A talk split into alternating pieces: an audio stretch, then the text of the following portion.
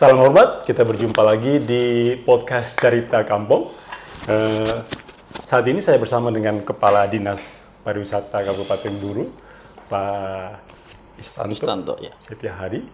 Lalu hari ini kita akan sedikit eh, berbincang-bincang tentang eh, perkembangan pariwisata di Kabupaten Buru dan hal-hal yang mengikutinya. Semenjak Pak Is eh, menduduki jabatan atau posisi sebagai Kepala Dinas Pariwisata, itu sampai saat ini ada perkembangan apa yang terjadi di Kabupaten Buru Pak di pariwisata? Ya, memang eh, di Kabupaten Buru ini eh, tahun sejak tahun se- 2000 2016 Ya. itu memang inisiatif eh, pemerintah Kabupaten Buru Pak Bupati bagaimana meng- mau, mau membangun pariwisata di Buru ini Iya, iya.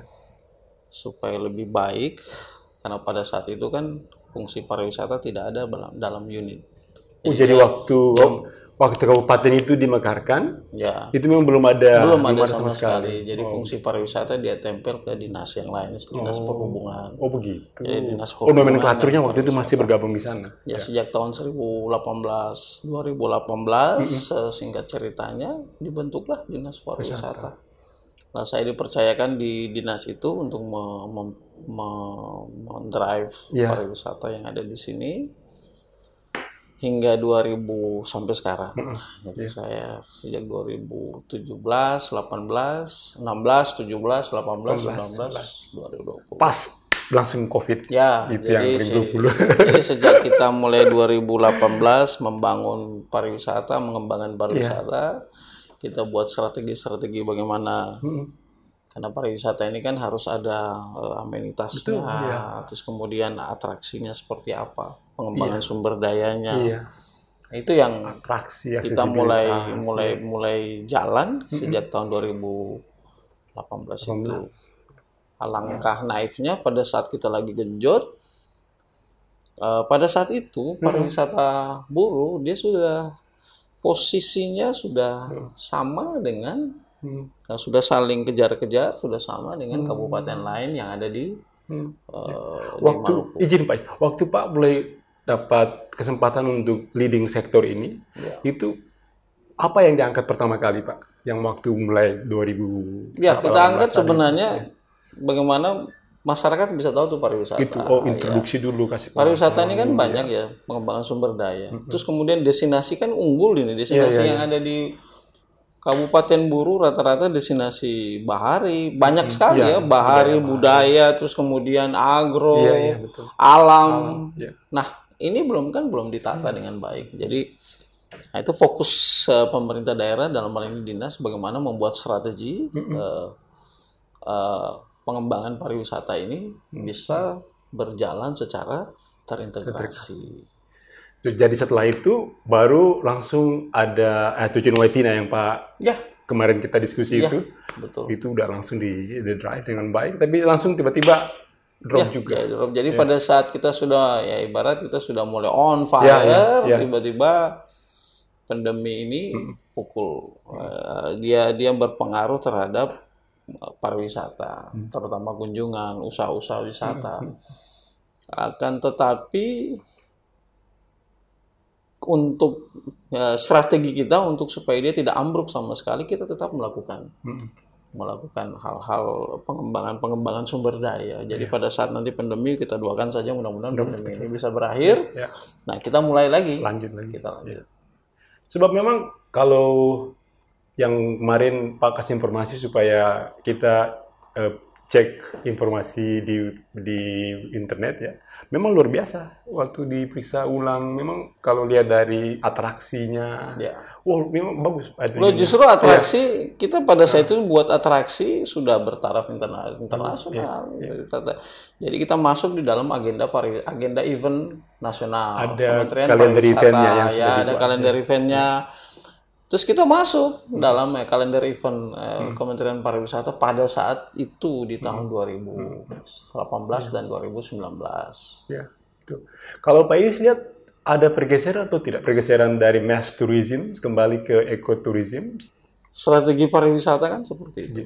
Jadi ya bagaimana kita harus bisa memilih daerah ini, bagaimana mendatangkan wisatawan banyak-banyak atau memang mendatangkan wisatawan yang memang berkualitas. Hanya sat, hanya seorang tetapi dia bisa membelanjakan ini lebih banyak. Ini kan sebenarnya karena memang tujuan pemerintah daerah, visi misi Pak Bupati pemerintah daerah ini kan bagaimana me- me- menjalankan mengaktualisasikan misi daripada visi daripada ya dengan pariwisata. Karena par- dengan pari- berbicara pariwisata ini kan ekonomi masyarakat bisa naik. Dia Karena pariwisata yang yang langsung bersentuh langsung dengan masyarakat. Nah, itu yang memang yang kita kembangkan. Jadi pariwisata berbasis masyarakat, dan masyarakat dilibatkan dalam rangka membangun pariwisata. baik sekali. Nah, akhirnya program yang program yang kita buat adalah bagaimana masyarakat sendiri. Jadi di desa-desa itu mempunyai potensi-potensi itu kita berusaha supaya mereka mengangkat sendiri. Jadi best tourism Iya. Nah, gitu, untuk masyarakat. Wah, jadi di Kabupaten Buru, menurut Pak sendiri memang dia kalau proyeksi pengembangannya lebih bagus itu berbasis ke masyarakat. Berbasis ke Karena masyarakat. memang eh, sumber-sumber eh, apa namanya kunjungan itu ada di situ, Pak ya. sumber kunjungannya, di sumber situ, destinasinya, terus di situ, ya. kemudian mereka yang langsung bersentuhan Langsung, dengan uh, wisatawan, baik wisatawan asing, wisatawan lokal, wisatawan eh, apa namanya eh, Nusantara, Ya, mereka yang langsung. Oke. Jadi menurut Pak I sendiri bahwa memang kalau pengembangan pariwisata ini itu bisa menopang ekonomi kreatif dan juga bisa berdampak pada lingkungan karena semakin dijaga maka otomatis lingkungan juga semakin Ya, baik begitu Pak kira-kira ya. itu hukumnya wajib. Wajib ya. Karena di dalam eh, program kita pariwisata berbasis masyarakat itu salah satunya adalah lingkungan. Sampah menjadi isu utama. Iya, sampai ini jadi kendala besar. Pak, ya. Bagaimana masyarakat sendiri di desa itu di destinasi yang ada Iya. di eh, itu mereka bisa berpikir ya kalau misalnya sampahnya seperti itu bau aksesnya seperti itu otomatis orang tidak mau datang. Mengganggu sekali Pak. Nah makanya waktu itu kita sempat mencanangkan bulan bakti destinasi Gitu. Jadi di, eh, kerja sama-sama gotong royong untuk menuju untuk menuju ke Ya, situ. Jadi memang biasa. kita memang betul-betul kasih masyarakat yang terlibat.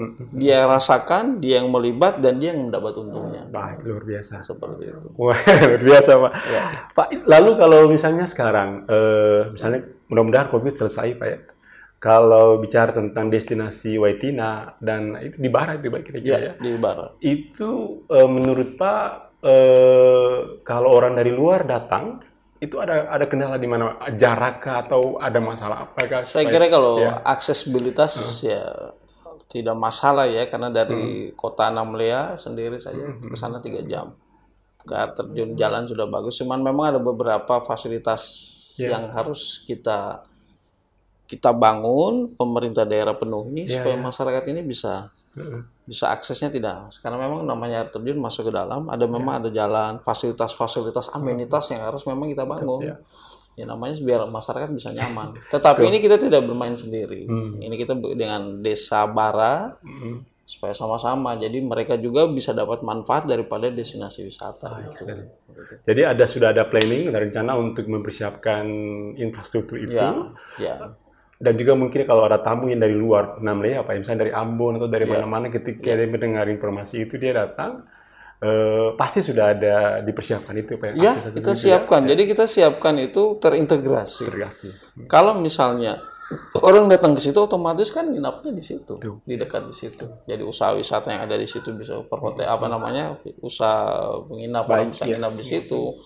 Masyarakat bisa dapat kearifan lokalnya bisa diangkat di situ, bisa dia jajakan di situ. Jadi semuanya bisa beraspek berdampak. Iya. Jadi prinsipnya mereka itu di apa namanya diberikan eh, waktu untuk lama tinggal supaya juga banyak kontribusi juga nanti buat masyarakat. Ya, kontribusi. Masyarakat harus kan masyarakat ini kan harus diajak, Betul, gitu. harus diajak ada untuk bagaimana contoh, dia ya. bisa bisa punya inovasi. Apa namanya?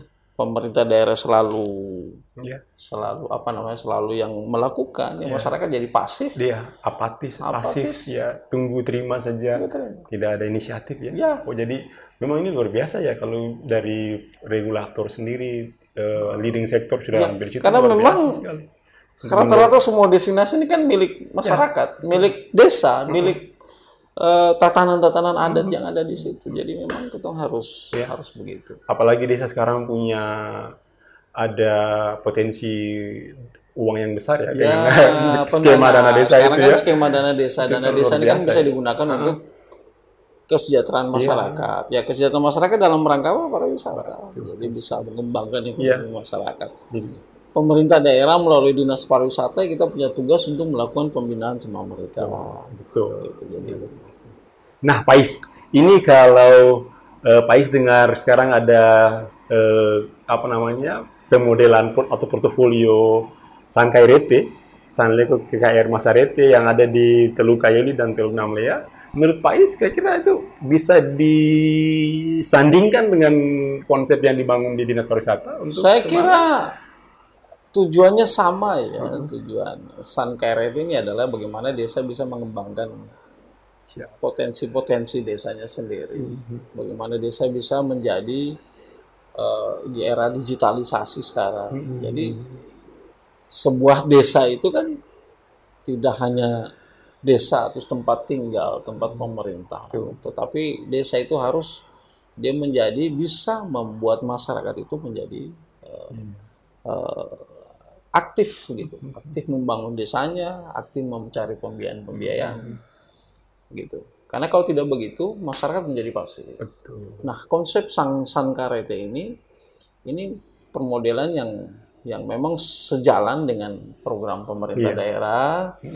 Te- dalam hal ini bagaimana membangun desa itu desa wisata. Nah, itu kalau bisa disandingkan dengan Sankarete, tamu-tamu yang datang bisa juga menghabiskan waktu di Namlea. Oh ya, Lalu kan kan semakin banyak waktu semakin lama semakin lama dia tinggal di sini kan semakin baik juga semakin kan. baik dan manfaat bagi masyarakat gitu. Berarti ada kemungkinan untuk diversifikasi Yes.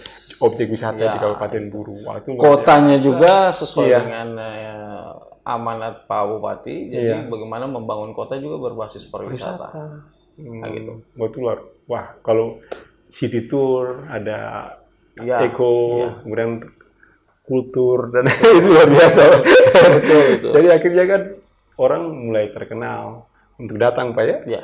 Oh. Kira-kira tantangan yang paling utama apa Pak untuk pengembangan eh, pariwisata di Kabupaten Buru ini? Saya kira tantangan itu sebenarnya bagaimana merubah mindset masyarakat. Ya, kalau kita menuju ke desa wisata, bagaimana me- me- merubah mindset masyarakat ini kan harus perlahan. Karena memang terkendala tingkat pendidikan, Pendidikan, tingkat ya, ya. eh, jadi mereka harus kita sadarkan. Itu dari desa wisata, dari desa-desa yang itu mindset. Saya kira tentang kendala juga utama adalah bagaimana me- amenitas destinasi yang memang harus bersandar kan gitu kan. Kadang-kadang kan masih alami seperti itu. Jadi kita harus menjual sesuatu menjual memperkenalkan destinasi yang begitu indah tetapi ada standar-standarnya. Nah standar-standarnya ini memang butuh pembiayaan-pembiayaan tetapi makanya tidak begitu serta-merta mudah membalikan telapak tangan. Baik, baik. Ya. Jadi yang sudah ada, sudah punya potensi, diangkat standarnya Diangkat supaya layak untuk dikunjungi. layak untuk dikunjungi Dan dia bisa jadi cerita ketika orang menyampaikan buat orang lain Yes, juga. betul sekali Jadi uh, the power of storytelling ya Pak ya, Betul, kalau sudah standar ya. sekali. Banyak kan kalau orang datang bagus tapi standar tidak ada standar. standar tidak ada. Mereka pulang Iya, cerita tidak balik-balik lagi. Mungkin kalau yang standar paling rendah itu MCK kali Pak ya. Betul, betul. Sama sekali. Cekak, itu ya. kebutuhan-kebutuhan itu memang penting sekali. Jadi eh, itu yang jadi tantangan Pak ya. Dan yakin mungkin Pak bisa nanti bersama-sama dengan teman-teman untuk bisa dorong itu Ya, saya cepat kira insya kan. Allah ya, karena memang kalau sulit. dukungan Ya. masyarakat baik, Iya. masyarakat sudah sadar arti daripada pariwisata, Iya. Pemda juga mempunyai program yang uh, berbasis kepada masyarakat. Mudah-mudahan jadwalkan saja 1 sampai 5 tahun ke depan Iya, wah ini Kabupaten Buru udah bisa Iya. pariwisatanya udah bisa maju. karena potensi sumber daya alam memang mantap, tapi yang standarisasi ini yang agak berat yang harus diangkat. ya. betul. Wah ini luar biasa. Pak Is, terima kasih banyak Baik, atas baik, waktunya. Nanti baik, kita akan ketemu lagi untuk berdiskusi mengenai hal yang lain. Ya, kapan saja saya bersedia. Oke, baik eh, para pemirsa yang setia, inilah eh, ujung pembicaraan uh, kita berdua di uh, ruangan istimewa Pak di sini. kita akan bertemu kembali dalam pembicaraan-pembicaraan mengenai perkembangan desa wisata atau uh, pariwisata umumnya yang di Kabupaten Buru bersama dengan Kepala Dinas Pariwisata Pak Santo, Setiadi Setiahadi. Baik.